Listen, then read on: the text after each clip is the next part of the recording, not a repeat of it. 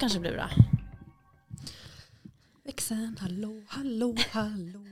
Koppla mig till 22. Du, du, du, du, du, du. Uh, Mm. Ja, men uh, ja. Känns det bra? Nu får vi se om vi får ihop det här spretiga då. Ehm, mycket som ska eh, avhandlas idag. Och många spretiga saker. Mhm.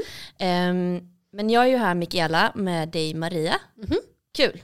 Så himla Har vi startat nu? Ja, vi kan börja nu. Ja, då kör vi. Eh, och så som det här började var ju att liksom, vi båda har ju konstaterat att det är ganska stora skillnader politiskt mellan kvinnor och män idag. Mm. Och det är ju en trend som är liksom i världen och i Sverige. Du delade någonting om det på Instagram. Ehm, och det märks ju också när man dejtar typ och är på Tinder liksom. Mm. Tycker det är en jätte, tycker det är jättetydligt och har blivit också på något vis tydligare. Mm. Upplever jag. Och när vi har läst vidare om det så kan man också typ så här, vi kommer prata mer om det sen idag, men eh, det kan vara typ en backlash från metoo. Alltså kvinnor och feminismen har gjort olika vinningar, män känner att de förlorar olika utrymmen och spaces och måste så kräva tillbaka dem på olika sätt. Ehm, och jag då som har börjat dejta igen märker en jättestor skillnad på hur det var liksom förra gången jag var ute och dejtade, typ 2017. Då var det här inte alls så vanligt, men nu när jag börjar träffa eh, män då igen eh, så pratar jättemånga av dem eh, om typ så manliga och kvinnliga energier. Ja. Eh, alla har läst Jordan Peterson eller någon annan Ja, motsvarande Ja. idiot. Eh, de har typ så snack om sina personligheter som är kanske sigma-personlighet eller alfa-personlighet. Väldigt mycket alfa eller väldigt mycket så här naturlig ledarskap, naturlig Exakt, dominant ja. obviously. Och har en ganska liksom biologisk syn på kön typ. Mm. Ehm, och kan ju säga det, alltså vi, vi överlappar ju lite tänker jag kanske i de typen av män vi träffar ibland. Eh, jag träffar ju alltid bara folk som är till vänster och ja, socialister liksom. Jag har en sån röd linje där. Så det ökar ju mina chanser att kanske inte komma i kontakt med den här typen av tankar och idéer. Eh, men för den är så starkt sammankopplad med högerpolitik, vilket vi kommer märka sen eh, när vi pratar. Men, men ändå märker jag ju, även bland de här männen då, till vänster, så är det som att de har marinerats liksom nu i den här tankevärlden typ. Ja men jag kan känna det, jag kan känna det tydligt också i den här, eh, alltså nästan, jag kan uppleva överlag, jag dejtar ju allt möjligt för att jag, vad ska man säga, jag är ju lika manshatisk mot män åt vänster som åt höger. Okej. Alltså så här, det är liksom inte, är Du diskriminerar ingen. jag, diskriminerar, ing- jag diskriminerar alla lika mycket. ja, ja okej. Liksom, för att jag är inte jätteimponerad av män åt vänster. Nej. Eh, jag upplever också att det finns någon form. Sen tror jag också så här att jag, jag tänker att man får, man får också kanske veta lite hur jag har dejtat genom livet. Jag började ju dejta redan när jag var 14 och nu är jag ju fyller, fyller 38 imorgon. Woho! Och där är det också jätteintressant att se vad som har hänt sedan dess. Men jag har ju alltid dejtat, vilket kanske kommer som en chock för många så här eh, som dejtar män, men jag har ju alltid dejtat män som jag tänder på. Det vill säga som är snygga. Och det tycker jag är väldigt intressant för att jag kanske fick veta det under tiden jag, liksom, jag kanske fick börja förstå att det var en konstig grej när jag började lära mig mer om typ så här, ja men du fokuserar så mycket på utseendet, jag bara men vadå ska jag knulla någon jag tycker är ful? alltså vad är grejen? Alltså det var en sån konstig grej och jag bara så här, de bara du får titta på deras personligheter, jag bara men män har, alltså vadå män personligheter, vad pratar du om? Alltså det är inte som att det är så mycket. Alltså du vet så, här, så att jag tror också så här, så att jag har ju tagit lite, jag har ju alltid verkligen varit fokuserad på att första grejen är att jag ska tycka han är snygg och jag tycker inte det jag, jag tycker inte det är en konstig grej men därför har det varit nummer ett. Ja, jag fattar. Ja, och sedan har jag Ja. börjat lära känna personen och, Och inse se att det är en pissig person liksom. Alltså, Okej. ja. Så det överlappande hos oss är kanske också så, för du har ju träffat mycket folk, alltså typ också byggare, kroppsbyggare. Jättemycket byggare. Ja. Ja. Och för mig, jag, alltså jag har absolut typ ett mönster i vilka jag träffar.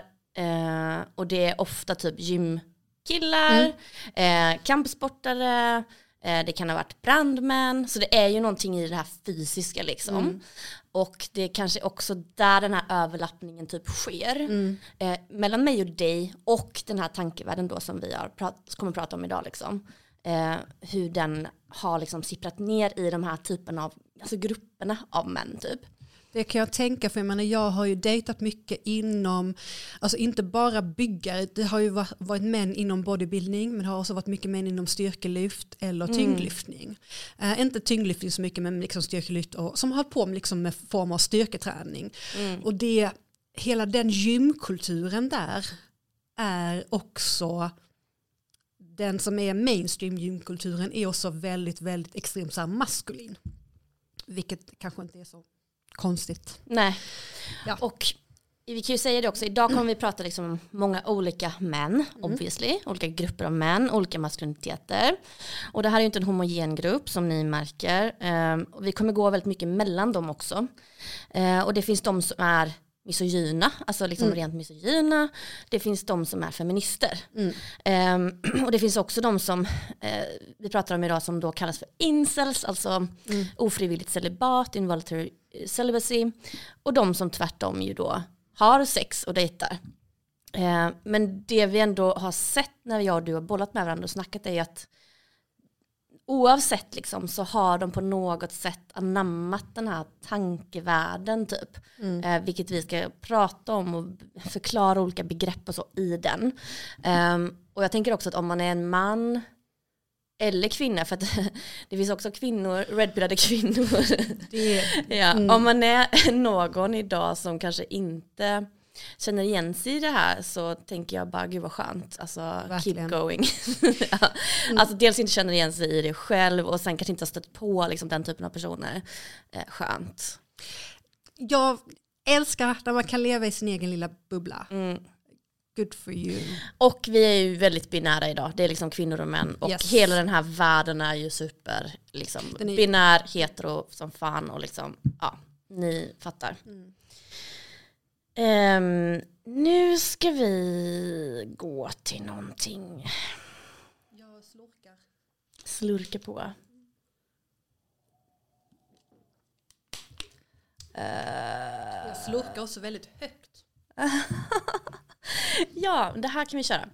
Så när vi började bolla med varandra så var det väl typ att jag också skrev till dig, men har du också stött på det här, var fan kommer detta ifrån liksom? Och då tror jag det var det här med energier och sånt säkert. Ja. Eh, och så berättade du någonting om, så här, om samhällsutvecklingen från liksom typ 30, 40, 50 år tillbaka till idag. Och hur män ser på liksom sin roll eller eh, ser på samhällsutvecklingen och så. Eh, kan inte du dra det typ igen?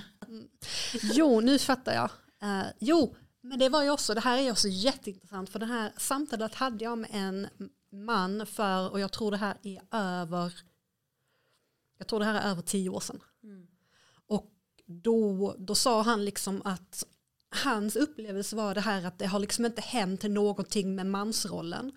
För mansrollen i västerländsk historia har ju varit så här att han är liksom, mannen är the breadwinner. Vi har kunnat leva på en lön med familjen liksom. Och sedan har vi då kvinnan i hemmet som ser till att mannen överlever och kan lönearbeta. För att hon kommer med det reproduktiva arbetet. Och då när kvinnor helt plötsligt har fått rött, rösträtt, möjlighet att öppna bankkonto, möjlighet att ta hand om sina egna pengar, möjlighet att lönearbeta och bestämma mer. Så har det också kommit med ett sätt för dem att kunna också villkora sin egen frihet på något vis. Och medan män har ju stannat kvar i den här rollen och det har inte hänt något för dem för att samhället är ju uppbyggt av män för män och de har ju inte behövt göra någonting. Liksom. Alltså de har ju inte, börjat göra, de har ju inte haft något att revolutionera mot. Nej. Liksom. Så därför är deras revolutioner också så jävla sjuka på många sätt. För att det, det, jag kommer ihåg också att jag dejtade, eh, det var efter, efter jag dejtade den här killen så fick jag gå i KBT i fem år tror jag. Så här, alltså helt, alltså helt Var det dansken? ja det var dansken, en av danskarna.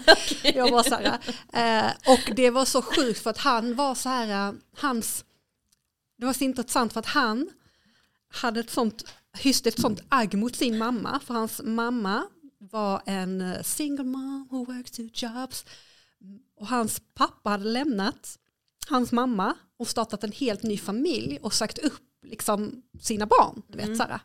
Men ändå, fastän han inte hade någon relation till sin pappa för att hans pappa har noll intresse av sin gamla familj Ja. så tyckte han ändå att det var helt rimligt att om en kvinna blir gravid så ska mannen kunna då utföra en juridisk abort. Det vill säga inte kunna behöva vara pappan. Liksom. Okej, okej, juridisk abort. Ja men något sånt här, liksom Ja. avsäga sig faderskapet. Och det tyckte han då var en väldigt viktig typ så här, mansfråga. Ja, ja. Vilket bara visar så här, ja men den Ja. manliga revolution, alltså Exakt, för det som feminismen har gjort med många vinningar för kvinnor, liksom, vi är ju verkligen inte framme på något sätt. Du fast skrattar just nu. Men alltså det är så, Nej, vi är så långt. alltså, men alltså, vi är Ja. så jävla långt Men vi har ändå gjort vissa, som du säger, vi kan liksom eh, försörja oss själva på ett helt annat sätt. Den sexuella revolutionen har varit. Eh, vi tar hand om våra vänskapsrelationer, vi har djupa emotionella liksom, eh, vänskapsrelationer och sådär. Eh, och jag tror att många män idag då kan liksom famla lite i mörkret i det. Alltså så, vad ska de fylla för syfte typ? Ja, vad har män för roll och syfte? Och då tror jag att många män idag kanske hittar typ en väg i den här världen, i den manosfären då som det kallas. Mm. Eh, där det handlar mycket mer om biologiska förklaringar på olika saker och ting, eh, energier och sånt. Eh, att de kan hitta typ ett syfte och en väg i det. Och sen tänker jag också att, eh, för många av dem är ju liksom feminister fast typ mer särartsfeminister då. För de tänker ju att kvinnor och män är biologiskt olika, därför har vi olika person, alltså drag och det gör oss olika lämpar för olika saker typ. Eh, det vill säga inte så som man själv tänker. Eh, men, Nej, inte feminism överhuvudtaget. liksom. Men jag tror att de anammar denna feminismen för att och det har man ju sett, jag läste igår, jag tror det var Karin Johannisson som har skrivit om det, att så här, det var även tydligt på 1800-talet när typ kvinnor gjorde olika liksom, vinningar. Eh, då var männen tvungna att underordna henne på olika sätt och då gjorde man det med just biologiska förklaringar. Eh, för det är liksom det enklaste sättet typ att und alltså, undergräva en kvinna. Typ. Precis. Och jag tror att det är lite det som händer idag också. Att vi har gjort vissa grejer, vi är mycket friare nu än vi varit innan. Hur kan vi då ändå, hur kan män då ändå hitta sin roll i det och eh, underordna en kvinna? Ja, man gör det via typ könsessentialism liksom, eller biologi. Eh, eller som du var inne på förut, eh, mycket mer konservativa värden, äktenskap, alltså återupprätta så här, den heterosexuella familjen. Eh, Ja, och det känner jag verkligen där att det handlar ju också, det handlar verkligen där om att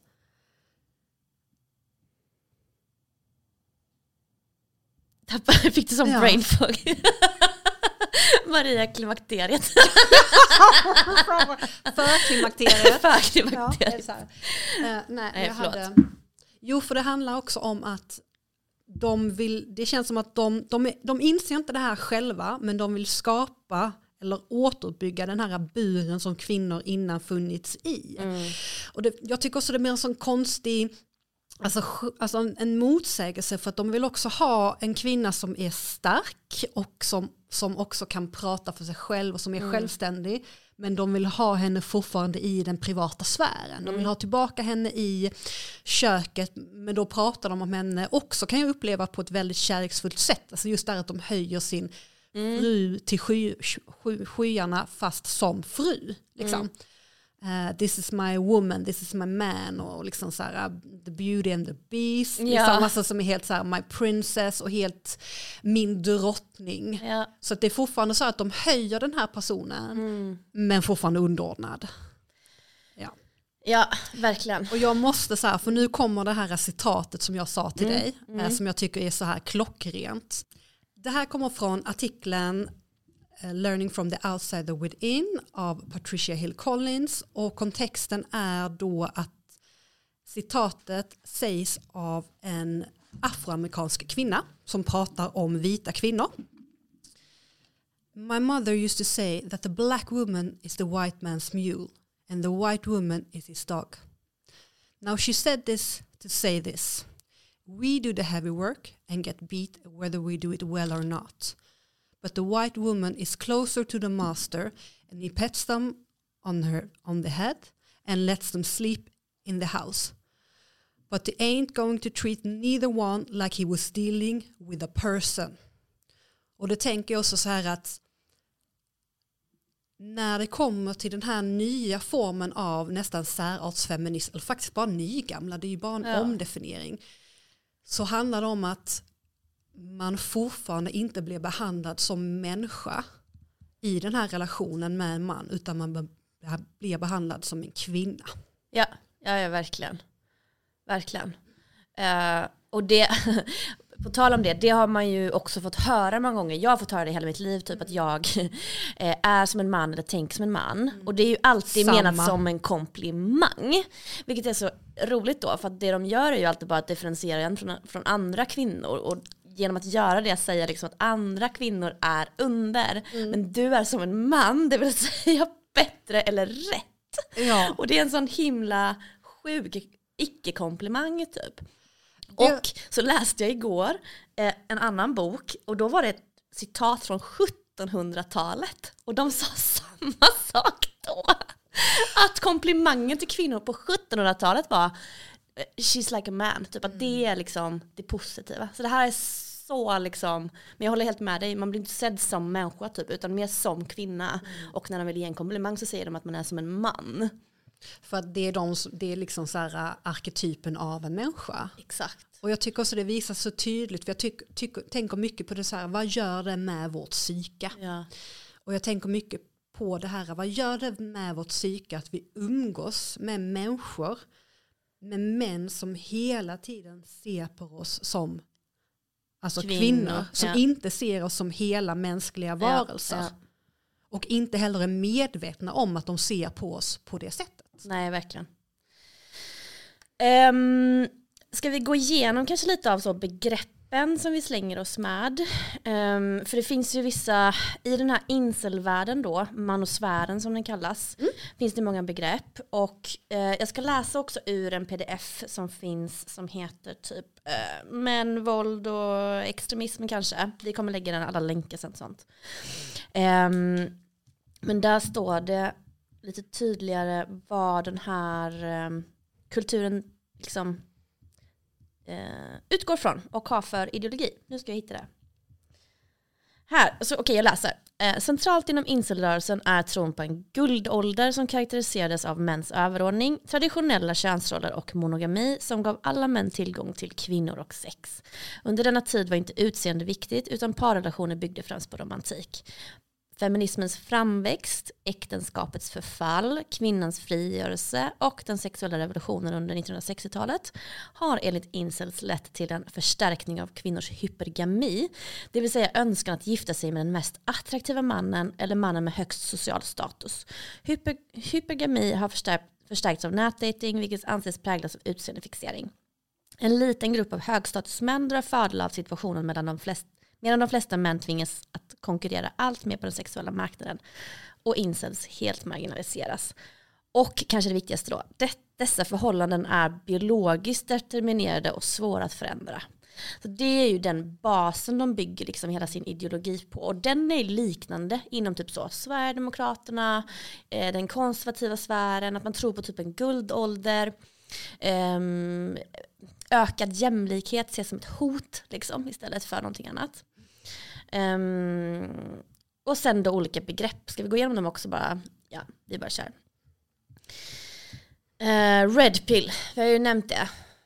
Uh, och red pill och blue pill då är ju referenser till filmen Matrix. Uh, där man väljer ett eller det andra pillret. Uh, och red pill är just då, när vi säger red pillade män, så är det de som har svalt ett red pill och tror just på den här beskrivningen jag läste upp. Alltså att gener och utseende bestämmer all romantisk och sexuell framgång. Man kan förändra det genom att typ så operera sig kanske eller tjäna skitmycket pengar. Och de som har tagit blue pill då, de lever kvar i den liksom sjuka verkligheten. Eh, och jag har inte insett det här än. Liksom. Eller de lever snarare i en bubbla. De, de redpillade tror ju att de lever i verkligheten. ja. Så det är vad vi menar när vi säger blue pill och red pill. Och sen finns det en massa andra piller, men vi skiter i dem. Alltså det finns white pill och black pill. Ja. Ja. Andra begrepp är ju det här Chad då. Uh, Chad är ju någon slags jätteattraktiv man som inte behöver anstränga sig för att träffa kvinnor och så. Det finns en kvinnlig motsvarighet som kallas för Stacy. Um, och sen är det där med alfa och sigma också. Det kan vi bara gå igenom snabbt. Alfamän, hur skulle du beskriva en alfaman? Ja men en alfaman, det, nej, men alltså gud jag vet inte, det är så jävla osexigt. alltså det är så... nej men alfamän det är väl de som ser sig själva som så här, uh, natural born leaders som är the top of the top. Tänker jag så här, uh, det är väl de som tror att de har allt under kontroll. Um, och också att de är, ja men att de är just det här uh, naturligt dominanta. Ja. Alltså jag vet inte, jag ja. kopplar ju alltid tillsammans Sammans det med liksom hela BDSM-världen. Ja, för att, ja, sex. Ja. ja. Uh, det är väl typ leader of the pack liksom, alfa. Ja. Ja. Macho-man kan man väl säga. Ja, ja. Som uh, gillar att stå i centrum och vara lite så. Och sigma är någon slags då introvert eh, motsvarighet till detta. En sigma-man är alltså typ en mer introvert alfa. Mm. En liksom eh, ensamvarg kanske. Så lite, går lite så på sidan om, bryr sig inte om flocken utan bara så här skit i vilket. Men blir typ ofta ofrivillig ledare. Mm. Alltså jag dejtade ju en i höstas som typ Alltså jag fattar inte.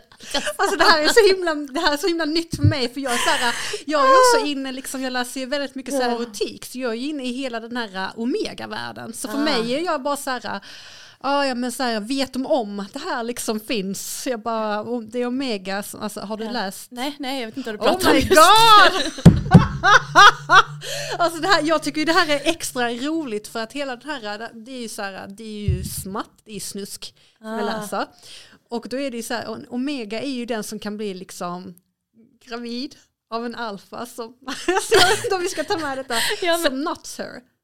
Men alltså handlar det om djur eller människor? Nej, det handlar om människor. okay. Men som är då, vissa är så här alfa och då har de en speciell ah, okay. doft och mega har mm. en speciell doft. Okay. Eh, och, och, det kan ju också vara så här, det, det här, eh, oftast, jag, jag, ska inte outa mig själv, eh, ofta så här, Ofta det jag läser. det är inte bättre när du kör det så kan jag klippa ja. lättare. Nej, men så här, ofta, ofta det jag läser så är det så här, då är det eh, en man och en kvinna. Liksom. Uh. Men det finns ju också i den här världen så här att en alfaman kan göra en omegaman gravid. Uh, okay. Alltså så det är liksom hela den här sfären. Så för mig när det kommer till det här så tänker jag alltid, alltså jag fattar inte hela den här grejen innan om alfa för jag bara så här, alfa, jag bara ja, och gud läser du också så här vad nischat? för det, det, är liksom okay, verkligen, och det är så här breeding kink. Okay. Ja. Då fattar jag. Nej, jag träffade en som sa, alltså på första dejten så, jag är en sigma-man. Och Alltså det var så himla nytt för mig då att ens liksom, aha, du är inne i det. Så att jag tänkte inte mer på det. Mm. Men nu efterhand har jag insett att han var ju sjukt redpillad liksom. Mm. För han pratade också om andra grejer som jag nu förstår var sådana saker. Ja. Och så blev jag också så förvånad för att han var liksom lite äldre. Och så tänkte jag att det här ändå var en grej som mest yngre män höll på no, med. No, no, no, no, absolut inte. Men Nej, han höll ju obviously på med det. Alltså, Eller var så mm. marinerad i det och hängde säkert på sådana forum. Och pratade också om så kvinnor. Han sa inte Stacy, men han sa tyvärr andra nedsättande grejer. Ja. Eh, och så är ju jag då dumkåt, så att om jag känner typ sexuell ja. attraktion och kemi så, så är det som att jag bara skiter i typ men, eh, vad det är därför som jag säger till dig Mikaela, men det här gör, jag vet inte om du gör det, men det är därför jag alltid har sex det första jag har med en man. Ja, det har jag med. Ja, för att jag vet ju att ju längre tid går, och jag har ju varit i, i situationer där jag ja. har fått avsluta konversationen och sagt, vet du vad, vi pratar om detta sen. För jag vet om att kommer vi fortsätta den konversationen så kommer jag få åka hem eller han få åka hem. Det och det var ju en som gillade Jordan B. Peterson. och så började han, så, så fort han sa det namnet så var jag bara så här, stopp. Ja. Varför måste de läsa som skit? Alltså det finns ju inget sexigare än någon som läser. Men läs annat. Ja, och det finns ju jättemycket annat ja. att läsa. Jag är också sån som alltid typ skickar med böcker eller kommer med böcker till dem jag Insane, men fint kärleksspråk. Ja, fast sjukt sen när man inte får tillbaka böckerna. Har jag berättat det för dig? Han som, ja det var ju Sigma-mannen. Han ghostade ju mig efter en månad. Var det han som var typ också så 45? Jo, tvåbarnsfarsa. Oh. Eh, och lite så, eh, vi hade skitbra och så var det någonting där jag så här, eh, efter en månad bara, du det här kommunikationen i veckan har varit lite svajig typ. Mm. Precis, gav, ställer ett gav någon typ av motstånd eller bara lite, lite, ja, lite obehag liksom. ghost. Alltså han Ja. försvann från jordens yta. Vi hade typ så polls bland mina vänner, vad har hänt? Har han Mm. blivit häktad? Så här, nej, nej. Nej nej, han försvann. Och då hade han mina favoritböcker för jag lån, för vi, Mm. återigen, han var ju han var ju socialist, vänster, vi snackade typ såhär imperialism, Yes. bla bla bla. nej, nej, nej. Han fick skitintressanta böcker som vi pratade om. Fick jag tillbaka böckerna? Nej. Jag skickade till och med brev till honom. Post. Där du vet jag går ju så. Men det var min Ja, favoritbok med mina underskrifter. Ja. Alltså jag vill Och tillbaka jag skulle aldrig, ja men och jag är så här, jag tycker det är sådär så sjuk grej, för jag sa det här också, jag tror jag sagt det här till dig också, att jag har ju dejtat 40-åringar sen jag var fucking 16. Ja. Och det har inte hänt något där. Det har inte hänt något på de här fucking 20 åren med 40-åriga män. Det är samma ghosting som skedde då som sker Ja, nu. okej. Just det här att gör det Ja, jag minsta trodde inte ens man visste att han visste vad ghosting var. Nej, nej men, så här, men det är så här, gör det minsta lilla alltså, motstånd och de behöver känna sig en obehagskänsla Ja. de känner att åh men nu sätter du press på mig, jag sätter inte press på dig, jag vill att vi sätter ett datum för vår nästa dejt för Ja, att jag eller har en planering. ja. Ja, alltså. Nej jag vet. Eh, det, och han sa ju också sådana grejer, typ så, ja, min roll är liksom att ta hand om kvinnor. Och det har jag hört Obviously jättemycket. det har jag hört jättemycket senaste halvåret av olika män, Mm. eh, att de säger så, ja, vissa har till och med sagt ordet protector, alltså att de Mm. är en beskyddare typ. I Och- vänsterkretsar? Ja, eh, alltså nu häng, nu, de jag har dejtat, eller, ja, har inte varit liksom i den kanske närmsta vänsteraktivistkretsen. Nej, jag nej, gillar ju generellt att inte- dejta lite ja. utanför mina egna sfärer Ja. så. Eh, men absolut har de ju varit vänster Ja, de och har socialister. Ja, Ja. Eh, men ja, då, en av dem sa så, jag vill vara protector, typ så här, män är liksom protectors, beskyddare. Och det är ju direkt från den här världen har Ja. jag insett. För då är det så här, mäns roll är att vara beskyddare och kvinnors roll är typ att vara så fertila. Liksom Ja. mycket av det här som vi pratar om med incel, incelkulturen om man ska säga eh, bygger ju på deras sjuka idé då om en sexmarknad ju. Mm. Alltså sex och relationer är jättemarknadiserat här. Nu börjar jag låta som en fucking jävla konspirations... Så här. Det jag tänker också på det är så här att vi, nu får vi se hur man räknade, vissa räknade från så här 1500-talet, vissa räknade från 1800-talet, men eftersom att vi lever i en kapitalistisk värld som värderar vissa saker så vi har liksom en ideologi som är baserad på just hierarkier, vi har en ideologi som är baserad på det här ständig ackumulation är det. Och det jag tänker i hela den här världen där är också just det här att man ser allting som en kamp. Man ser allting som eh, en tävling man ska vinna. Men man ser allting som att det ska vara en ständig ackumulation, ständig vinst. Vilket ju försvårar alla former av mänskligt band och mänskligt samarbete och alltså kärlek överlag. För att det blir jättemärkligt när du tar känslomässiga relationer och försöker sätta någon form av, mark alltså någon form av marknadsvärde på dem. Och någon form av, alltså det är bara så skevt och så sjukt så att för mig känner jag så här att den här incelvärlden är liksom alla de här formerna av ojämlikhetssystem, liksom sexism, kapitalism, rasism, nerkokade till sitt värsta. Men det här sipprar ju ut och jag ser ju detta överallt. Alltså jag ser ju dessa värderingar som, som, som är, så här, vad ska man säga, incelvärderingar. Finnas i liksom typ varenda snubbe på Tinder. Ja men typ 90%. Vi pratar ju också om hur man blir bemött på Tinder. Alltså det är så jävla oempatiskt. Ja. Exakt, och jag tänker att Tinder är ett jättebra uttryck för det och det finns ju tidigare avsnitt i den här podden också som handlar specifikt om liksom, eh, typ kommodifiering av relationer och Tinder och sådär. Men jag är helt med på ditt spår att idag blir det ju allt svårare för människor, människor att faktiskt mötas typ och ha emotionella djupa relationer. Dels för att vi har börjat se på människor mer som varor, alltså som man kan swipa fram och tillbaka.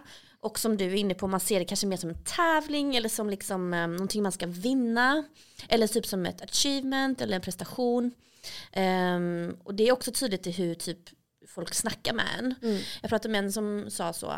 eh, jag sa någonting om mig och då svarade han, ah, nu vinner du riktiga poäng hos mig. Bara, Men det är inte så det funkar typ. Det, inte, det här är inte till för att jag ska vinna poäng hos dig. Det här är till för att vi ska mötas typ och se om det finns någon typ av connection liksom. Eh, men många snackar ju väldigt mycket så.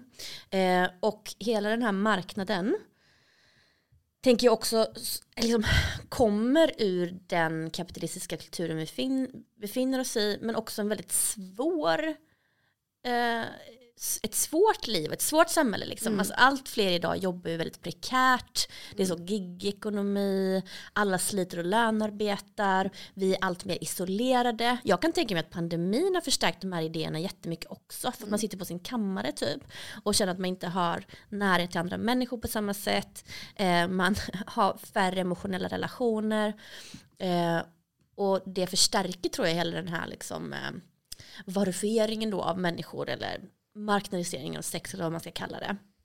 Eh, och det är ju jätte jättemycket i den här incelvärlden. Jag läste någon artikel och då står det så här, för de kallar det för sexual market value. Alltså det är Mm. jättestort där då.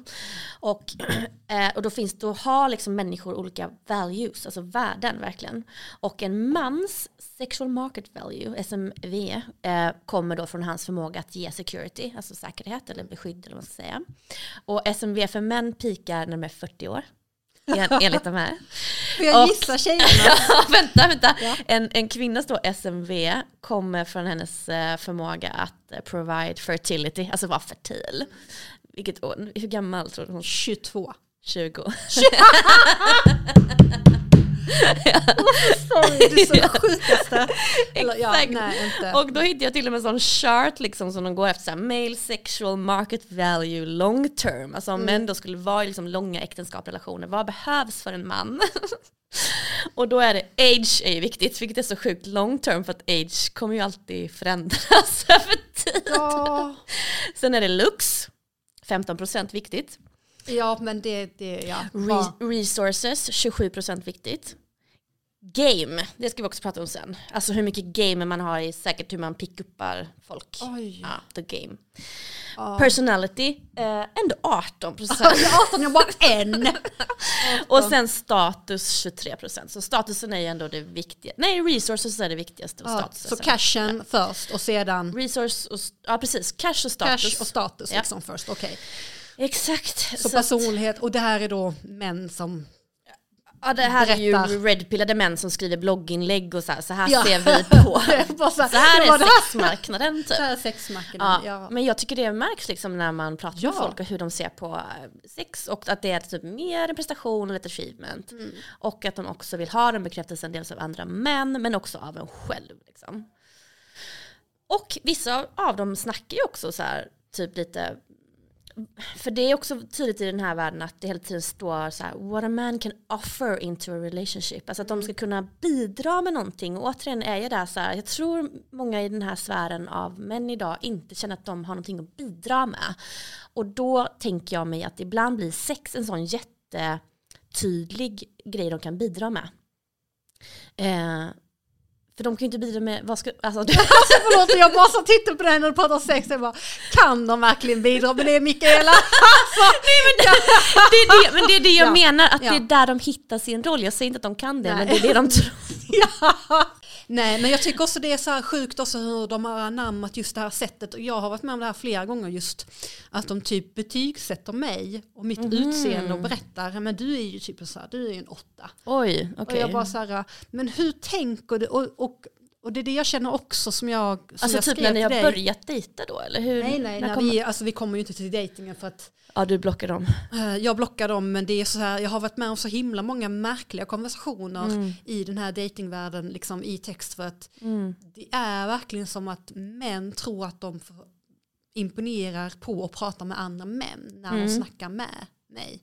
För de snackar på ett väldigt, alltså just det här att de bara, ah, men du är en åtta typ. Och jag har varit med om jättemånga gånger att de börjar prata om min kropp Mhm. till mig. Liksom så här, jag vet inte hur många gånger jag har varit med, liksom, ja men har, har du silikon i rumpan också för jag ser att du har det i bröstet. Gud. Och jag Ja. bara så här, jag bara, vi, vi är inne på tredje meningen. Alltså det är liksom verkligen så här, och typ så här de som börjar med, jag var så med en man som bara sa hej, kan vi typ så här leka tio frågor? Jag bara, ja, vi kan leka tio frågor. Och det här var på Tinder och första frågan var, gillar du analsex? Och jag var så här, det här är inte, jag vet inte. Så för mig är det så här, jobba kanske med alltså personligheten. Mm. För det handlar ju mycket Mm. om att det kommer också in, och något som jag tycker är jobbigt med hela den kulturen, det är hela det här, eh, offerpersonligheten. Mm. Och för att de är ett offer så förtjänar de sex. Ja, just det. För det är ju det egentligen allting det här bygger på. När vi pratade om sexmarknaden då innan Mm. den här sexual market value och det. Det är ju det deras ideologi bygger på att de har förlorat tillgången på sex eller Mm. tillgången på kvinnor typ. Det är det allting handlar om. Eh, så det handlar om att antingen få tillgång till kvinnor på olika sätt eller att typ eh, vända sig mot kvinnor och bli misogyn och i allra värsta fall mörda ju. För Mm. det, det, ju det, det här är ju blir ett reellt hot också mot kvinnor och hela den här manosfären och kulturen och tankegången liksom. Men det är ju skitsorgligt att du har sådana erfarenheter också. Eh, men en del då för de här männen, eh, det de tänker och känner är ju att världen idag är liksom för, alltså kvinnor och feminister i synnerhet då, kanske så, eh, har tagit för mycket space liksom. Vi, det finns ju för många utrymmen och områden och sådär. Så det behövs mer manlighet. Det är också det som är en jättecentral del i det här. Och då finns det något som kallas för remaskulinisering. Mm. Ja, men remaskuliniseringen är också typ ett homosocialt projekt. Alltså det är någonting som män gör med andra män. De vill få in mer manlighet i världen typ. Har du några sådana liksom, direkt som du kommer att tänka på är typiska remaskuliniseringsprojekt? Jag tänker väldigt mycket på just hela den här, här vikingkulturen. Just det, ja. Och nu är inte jag insatt i detta utan jag har ju bara sett och skrattat åt det på typ Instagram med de här männen som går ut tillsammans i skogen och skriker eller vad det är de gör. Ja men, det är ju mer rollspel och live. Det, ja, nej, det, alltså just som, som men du här tänker mer viking... eh, Ja, inte bara det, rollspel och live, men jag tänker också det här, de här workshopen som, min, som finns för män Aha, där de, går ut de! i Ja, ja, ja, när de ska slå sig själva på bröstet typ, Ja. nästan som apor typ. Ja. Och, här, och grejen är så att ja, det är väldigt jag, kan skratta, jag kan skratta åt det så här, men jag bara sa okej, men hur, hur, jag bara varför kan män inte bara umgås på ett normalt sätt? Och, alltså, så, varf, alltså, Ja. Och träning tydligt, tänker jag. träning väldigt, Eh, väldigt tydligt tycker ja, jag. Men det har, det har det också varit länge, så den här, hela den här bodybuilding-världen är ju så här, den har ju funnits här, 60-70, alltså 80. Just det.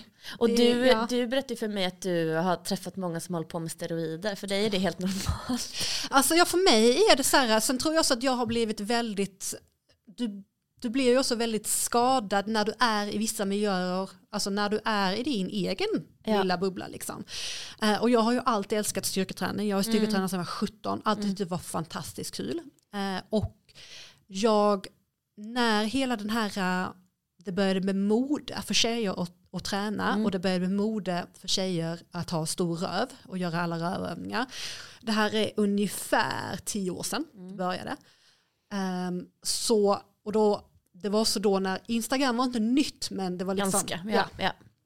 och då var det ju så här, alla dessa fitnessprofilerna dök upp på Instagram. Mm. Och man såg alla och jag började dejta mycket mer så här uh, slip into my DMs. Och då var det mycket med bodybuilder-killar är Mm. det. Och för mig så är det så och jag och då träffade jag också så här uh, män som var i 40-årsåldern återigen och höll på med bodybuilding länge.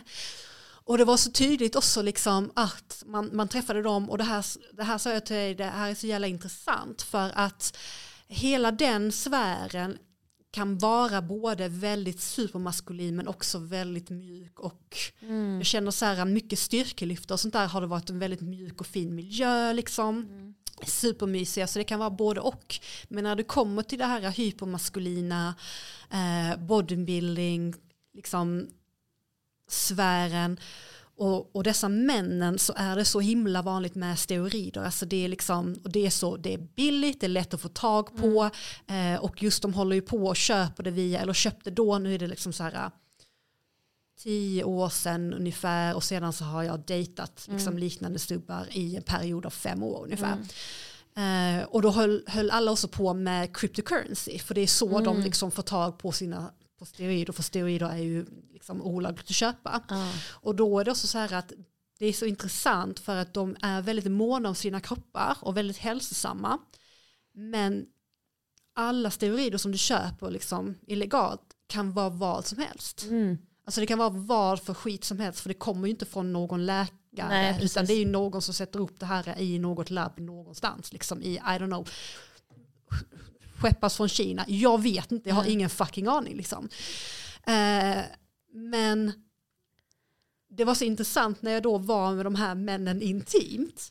För det, här, det här tyckte jag var så här, det, det här är så här, åh det kom jag på, jag bara för att det är ju så att när en av grejerna med eh, anabola steroider det är ju så här att du oftast har extra, någon form av extra så du får extra testosteron. Mm. Är det.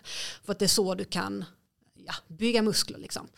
Och då är halterna så jävla höga att kroppen slutar producera testosteron. Eh, och då testiklarna börjar liksom regress nästan. Alltså de, för de har, inget, de har inget att göra där. Alltså de, det finns liksom inget. Så testiklarna blir ju så himla himla liksom, de blir mycket mjukare och de blir mycket mindre. Så någon gång var jag bara så här, men de är så himla, alltså det var så här, jag tänkte på det och jag tänkte på det så när jag slutade träffa bygge, jag bara gud vad härligt med en härlig pung liksom. Så det var så här, jag bara oj det här var en stor pung för att jag var så van vid de här små mjuka pungarna och jag älskar ju så här, pung också, det är jättemysig cocktail. Jag tycker det är så himla mysigt. Eh, och, och, det var liksom verkligen, alltså vi pratar liksom om eh, vad ska man säga, kalamatioliver. Men, inte så, så men det, är så här, det är inte de minsta oliverna, de här typ så här, med, så här, utan de här oliverna som är, nu visar jag dig här, alltså liksom så här kanske. Och de var ju inte hårda som oliver utan de var ju också väldigt mjuka. mjuka ja. Ja. Ja, jag kommer aldrig glömma det. Ja, Nej. och just det här det var så intressant för de, vissa av dem är ju verkligen så här, jag är så jävla alfa. Ja. Och jag kallar dem som jag ser podcastar som jag bara, han vet jag tar steroider. Jag ja. kallar ju dem för köttskallar. för det är så jävla tydligt i deras ansikte för att man blir ju så svullen av det här också. Eh, och så tänker jag så här, om det är så jävla alfa, varför måste du ta så mycket extra test? Alltså det Exakt, bästa, ja. Nej, det gör det inte. Men, ja. men, det är väl någonting de måste ja, äh, hävda eller liksom ja, jag vet inte. Men för dem, förstärka. Ja, och för dem, de ser också så här, liksom så här att det här är en naturlig manlig könshormon. Ja. Och det här är också en hel jättestor marknad i USA eh, när män kommer i sin menopaus. Liksom, mm, så här, när de börjar för att minska testosteronet och de bara så här, behåll din manlighet, använd det här liksom, testogelet. Så här, Skaffa steroidtestiklar. ja precis är det. Men då är, så här, då är det ju inte de halterna. Alltså många Nej. av de här byggarna har ju extrema det men det är väl ett sätt också bara för dem att typ iscensätta en manlighet eller en maskulinitet. Liksom. Ja. Att, ja. Jag vet inte, alltså jag, jag, jag, jag tänker så här också att jag tänker att när det är så normaliserat och så lätt att få tag på så blir det också så här normalt för dig. Det är ett sätt också mm. att umgås med andra män tänker jag. Det är sant. Mm.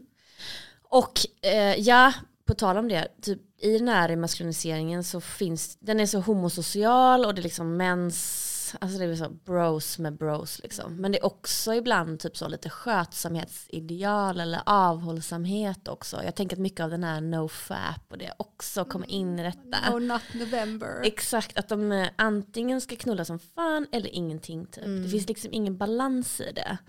Uh, antingen ska de dejta, dejta, dejta eller så går det åt helvete och då ska de inte dejta alls. Uh, då går de in som munkmode liksom och ska vara i det typ något år. Och att, ja, va, varför liksom? Vad är det ni, vad är det ni försöker liksom um, inkapsla i er manlighet typ? Och det, det tycker jag så är mycket intressant för det kommer också och jag kopplar också samman det med den här liksom formen av disciplin och nästan mm. självspäkelse. Mm. Du ska gå upp tre på natten, du ska meditera en timme, du ska ta ditt isbad, eh, du ska vara produktiv, produktiv, produktiv, eh, du ska bara äta detta och detta och detta. Alltså det blir ju som American Psycho på någon, ja men alltså jag vet inte, jag bara, varför, vill, varför hatar du dig själv så mycket? Alltså yeah. det, och det, det tycker jag verkligen är det absolut det sorgligaste av allt. För yeah. det finns ju så mycket i livet du kan njuta av. Det, det, finns så mycket i livet du kan... Nej, men alltså det handlar bara om att på något, något sätt att liksom jag tänker hålla tillbaka, disciplinera sig själv. Och då tänker det. jag att det är olika sätt. Nu kommer jag på något. Ja, säg. Jag tänker så att det är olika sätt eh, som könen skadar sig själv på olika sätt tänker jag. Mm. Alltså jag tänker hur kvinnor skadar sig själva och hur män skadar sig själva. Mm. Och då tänker jag ofta så här att uh, självskadebeteende hos liksom kvinnor handlar mycket också uh, man kanske gör det man skär sig själv tänker jag. Uh, det kan också vara självspäkelse. och det kan också vara, men jag tänker så här att just när det kommer till den här kanske gymcell och incelkulturen vi pratar om där så är detta självskadebeteende något sätt som också andra kan titta på och inte se som ett självskadebeteende. Mm. För jag ser ju också extrema ätstörningar i den här världen som vi inte kallar för ätstörningar för det är män som har ätstörningarna. De äter inte kolhydrater, alltså de här gym, mm. nu pratar jag om mm. gymcell, okay. kanske vi ska ta upp gymcell. Mm. mm. Är det? Kan du? Ska vi köra lite om gymcell? Ja. ja när vi googlade incel och gym så kom ju gymcell upp som ett ord. Ja. Och vi insåg att det också då är ett fenomen. Mm. Eh, så gymcell är ju någon då som eh, eh, inte heller har tur med dating och så. Men kanske använder träningen för att må bättre eller bygga muskler eller hopp och hoppas då på att få träffa tjejer på mm. grund av det. Och de pratar mycket om att de måste kompensera liksom sina låga skills då inom kanske kommunikation eller någonting. genom att få en mer ja, rippad kropp mm. typ. Ja, det är ju jävligt sorgligt. Uh, nu ska vi se. det stod också i en artikel så här, the only common trait, alltså med incels då, is that we're men who haven't got laid. Uh, incels aren't violent. Part of that is because we take our frustration out at, by lifting at the gym. Ja, och det tänkte jag så på direkt. Varför måste det sammankopplas med våld? Alltså jag ja. vet ju så här, jag har ju också gått perioder på på, ehm, jag har ju också haft liksom mycket så här, uh, olika perioder där jag inte dejtat eller haft sex med män. Liksom. Mm. Uh, en period jag hade var när jag var, jag hade den på tre år, där jag, hade liksom, jag dejtade inte, jag hade inte sex med män när jag, från jag var, jag tror jag 26 till 29 mm. var det. Och jag tänkte så här att för mig var det så här, ja, jag, jag kunde också känna, så jag kan också känna ibland empati med så här incels för att jag fattar hur det känns att vara ensam. Jag fattar hur det känns när man känner att men ingen vill ha mig, det finns ingen för mig. Liksom. Jag, kan, jag kan fatta den djupa sorgen. Men där jag tappar empatin, det är själva den här eh, offermentaliteten, eh, sättet att tänka att man har rätt mm. till någonting. Och våldet. Mm. Alltså just det här, det finns ett rage inom mig. Och bara, men vet du, då får du faktiskt, mm. du får lösa det på något sätt som inte är, du får gå i terapi, du får, för att det har ju, alltså det har ju jag gjort. Exakt, och kanske inte då hålla på med remaskulinisering. Nej, alltså det, det blir bara så här, det, jag, ja. jag, så, nej, jag blir så trött ja, på det. Ja, visst. Men det, jag tänkte på det du sa mm. innan, vad fan var det vi pratade om då? Uh, för du pratade om självskada, just det att liksom kapsla in sig själv typ, eller att de ehm, äh, vänder inåt liksom, mm. och självspäkande och sådär. Mm. Och det tänker jag också hänga ihop med, för det har jag ju också hört. Äh, jag träffade en man som också var så, gymman fast också inne på tantra. Äh. Och jag bara sa the worst of the worst. nej det är det inte, det finns värre men nej, tant. Jag, alltså, nej, ja. men, han var faktiskt fantastisk. Var han okay, ja.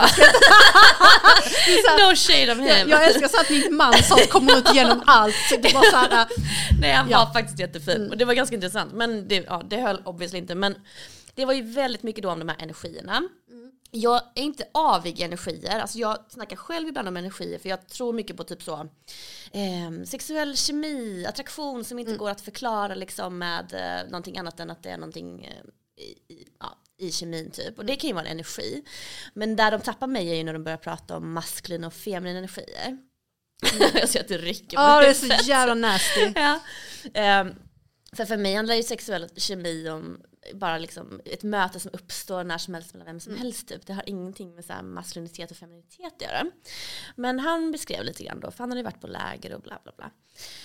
Uh, hade han varit, varit på ett mansläger? Nej nej nej, med okay. faktiskt sin uh, ex-flickvän Okej, okay, för jag bara så när du sa han och jag bara jag såg de här männen ute i skogen som slog sig själva. Jag bara okej okay, Mikaela, what the?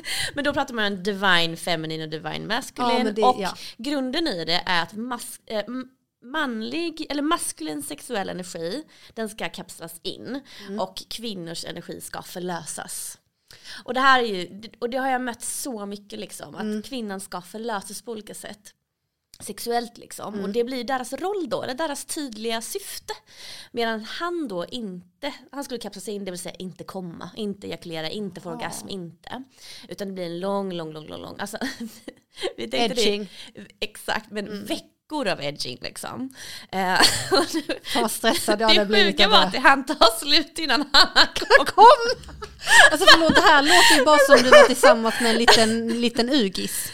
Nej, nej, nej. nej. Alltså, eller, Ja. han, han hade ju varit dominant hela sitt liv. Mm. Jag gjorde ju honom till undergiven på två veckor. ja men det var det, alltså det var det jag tänkte, alltså det finns, det bara, jag gjorde, det, han, han var nog det, det var bara att han inte liksom, ja.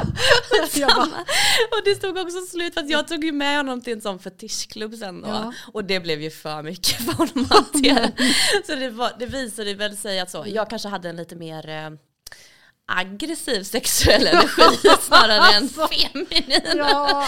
Men det jag skulle komma till, Ja. fan. Eh, jo men då ska, då ska det kapslas in liksom och kvinnor ska förlösas. Och det har jag hela tiden från män och män och män så här, förlösa och förlösa.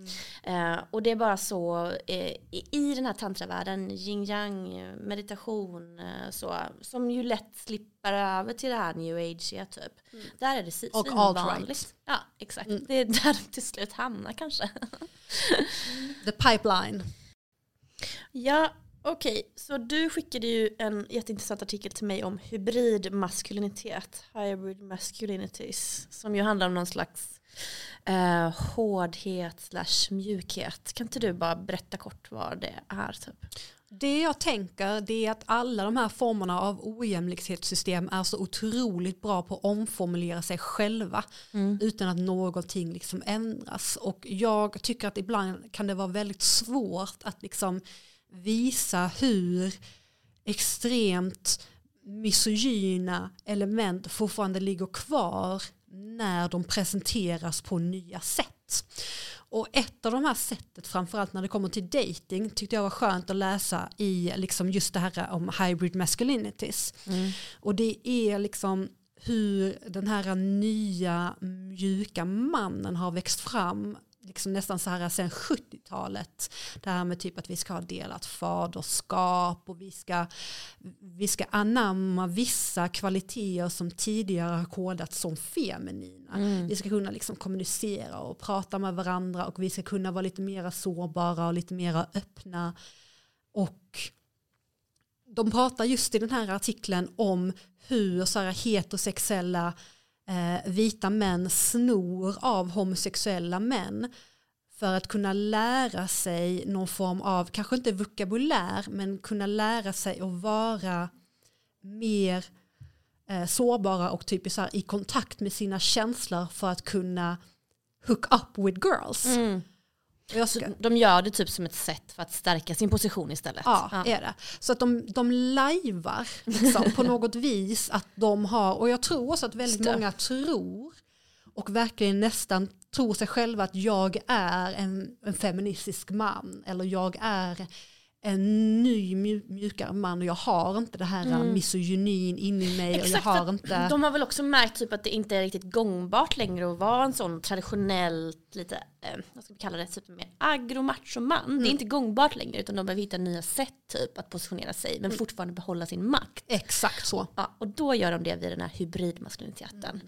Och det tycker jag också har varit jättetydligt senaste halvåret. Liksom, att, men då har det framför allt tycker jag varit de som har, alltså gymkillarna, kampsportarna, den typen som har varit Mm. ganska liksom, ja men kanske stora buffliga, mask, alltså verkligen Mm. så maskulina maskulina liksom. Det är de som hela tiden har hävdat sin femininitet. Mm. Nästan som att de måste göra det.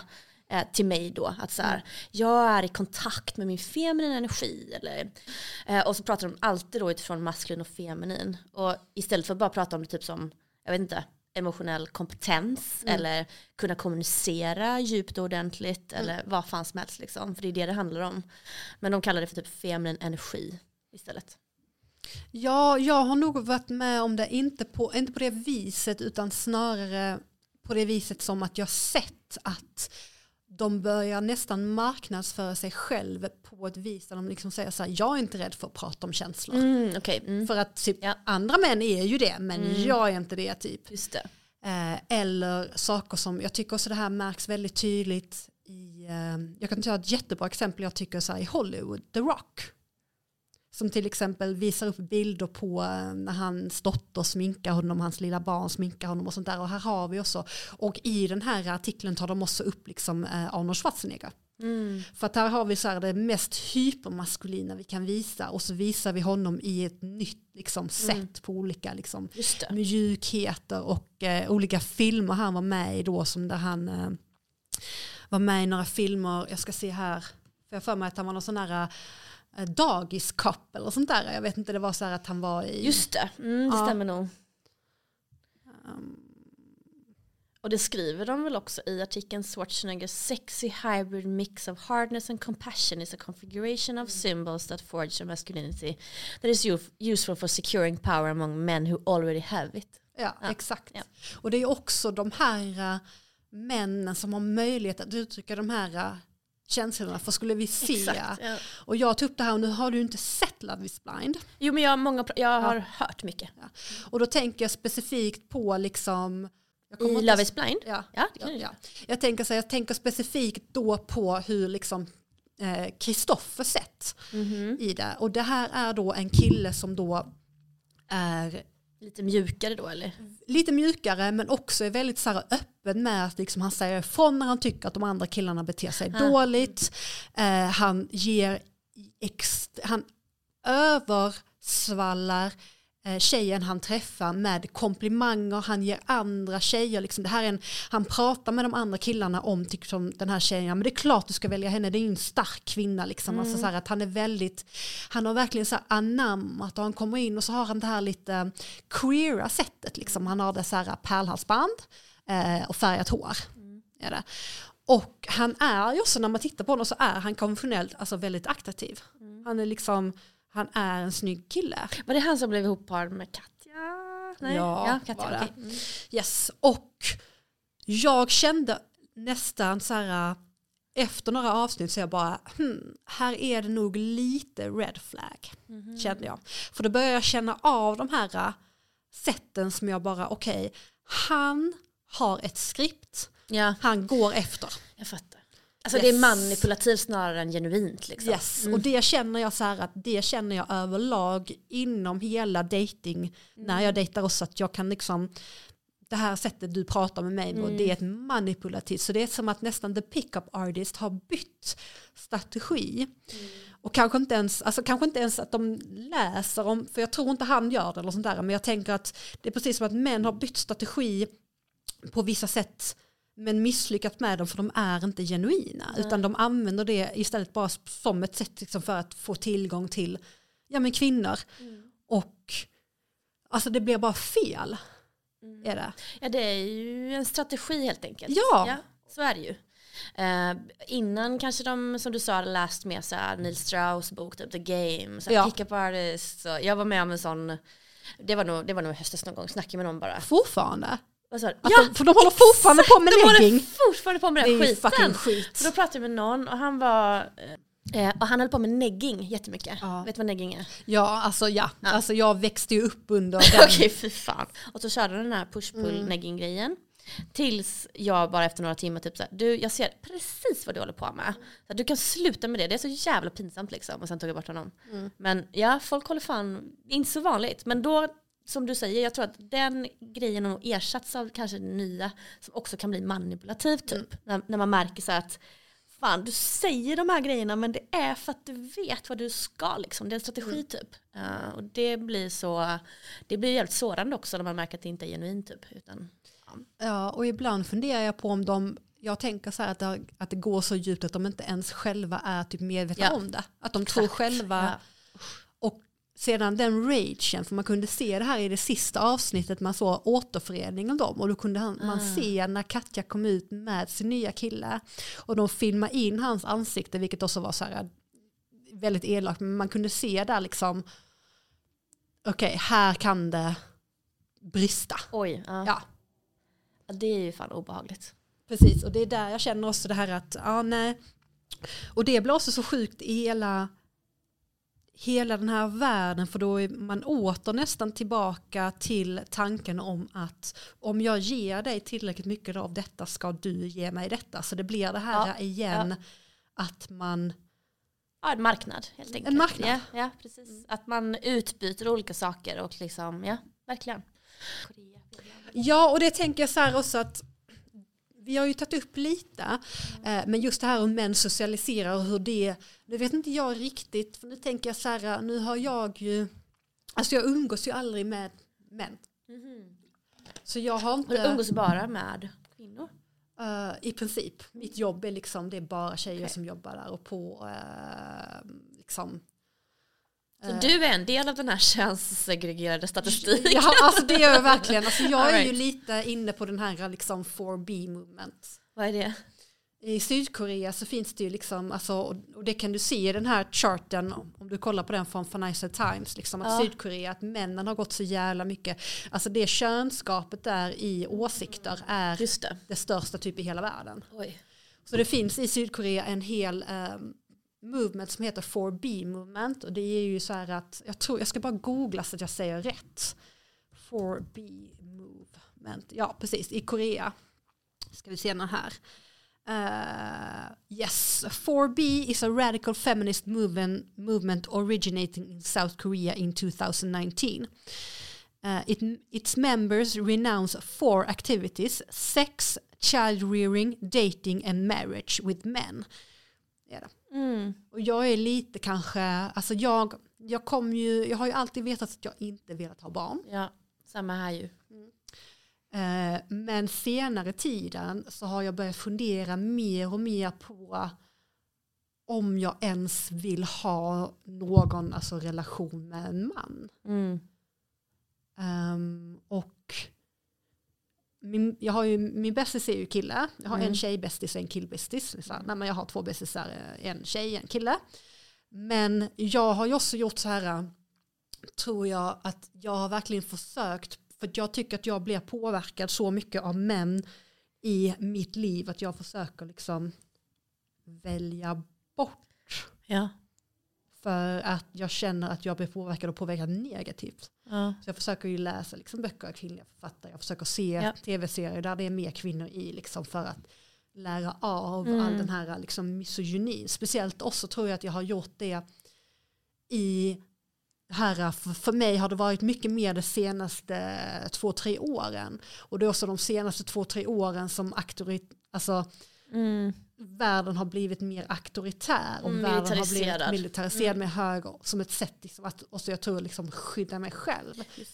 Eh, också för jag ser liksom, jag har ju ändå pluggat, jag har ju min master i genusvetenskap, jag har ju ändå pluggat det och jag ser ju också det fanns ju ett ljus för oss när vi pluggade det och det fanns ju ett ljus att vi trodde att okej nu är vi och nu kom, kan det bara bli bättre. Mm. Och sen efter jag tog min examen så har det bara blivit worse. Alltså det har blivit worse på alla fronter som Ja. har med jämlikhet att göra. Och vissa kvinnor också har svalt the red pill. Ja. Och håller nu även på så. Jag vill bara bli en traditionell hemmafru. Min man är ledaren i familjen. Alltså det, och det finns massa artiklar om det nu. Ja. Eh, jag har några här framför mig. Så här, kvinnor i red pill-rörelsen vinner mark. Uh, kvinnliga red pillers hy- hyllar otrogna män. Mm. Ehm, och de typ så predikar ju att kvinnor ska underkasta sig ehm, män då. Och ehm, kvinnor ska inte förvärvsarbeta eller anarbeta. Liksom. Eh, total underkastelse en kvinnlig dikt. Alltså det är fruktansvärt. Alltså det är helt, och jag tror, och det är liksom Kvinnlig här- sexualitet ska kuvas. Abort borde vara straffbart. Ja, och Eh, det, det är back to... Ja. Ja men det är ju och det är det som är så, så jävla skrämmande, så jävla hemskt liksom att vi är nu i liksom the handman's tale. jag vet. Alltså det är liksom så här för att det är, alltså det är så, det är så insane. Jag tror ju också lite, förlåt men jag tror också lite det är dit vi är på väg. Och det var därför också jag bara sa fan vad skönt att jag har steriliserat mig. Och fan Ja. vad skönt att jag snart är över 40 för ingen Just kommer att det. intresserad av mig för jag är inte fertil längre. Jag är liksom så här sån som kan kastas bort någonstans. Eh, Ja, du är ju långt past den här Ja, sexual market det är value ju verkligen, 20 år. ja, det, den är ju på minus liksom. Ehm, och, det, och, och för mig är det också, jag menar jag vill inte heller förvärvsarbeta. vem, vem fan vill... Alltså, nej, nej, nej det, alltså- precis, det handlar ju om något annat. Ja liksom. precis, det Ja. handlar om, Ja. men det, jag tror så det här handlar ju om att vi slåss om så mycket mindre resurser för att det är de här fem snubbarna i världen som har alla pengarna. Ja exakt. Och, ja, och folk måste typ hitta någon ny trygghet eller Mm. ny riktning och gör det då genom så könsessentialistiska idéer. Ja. Och eh, det, det inger väl någon typ av trygghet. Precis som det gjorde för typ så skinheads, det var ju också jämlikheten ett hot liksom. Mm. Eh, och idag incels, jämlikhet och feminism, det är ett hot typ. Ja. Och istället för att se det för någonting, eh, som någonting som kan utveckla. Ja. Istället för att se det riktiga hot. Alltså det är liksom, jag, jag tycker också lite, jag tänker på den här grejen med de här konspirationsteoretikerna, teoretikerna, eller okej, foliehattarna som tror att liksom vår värld styrs av ödlemänniskor. Istället för de faktiska liksom, Ja. vita snubbarna som vi ser som så här, Elon Ja. Musk, Jeff Bezos, Ja. liksom, Mark Zuckerberg. Alltså det, det är så tydligt liksom vilka det är, vi kan se dem. Vi kan kommunicera med dem på Twitter eller X. Ja. Uh, nej. All right. Ska vi se, vi ska börja avrunda snart. Vill du berätta när du var traditionell hemmafru?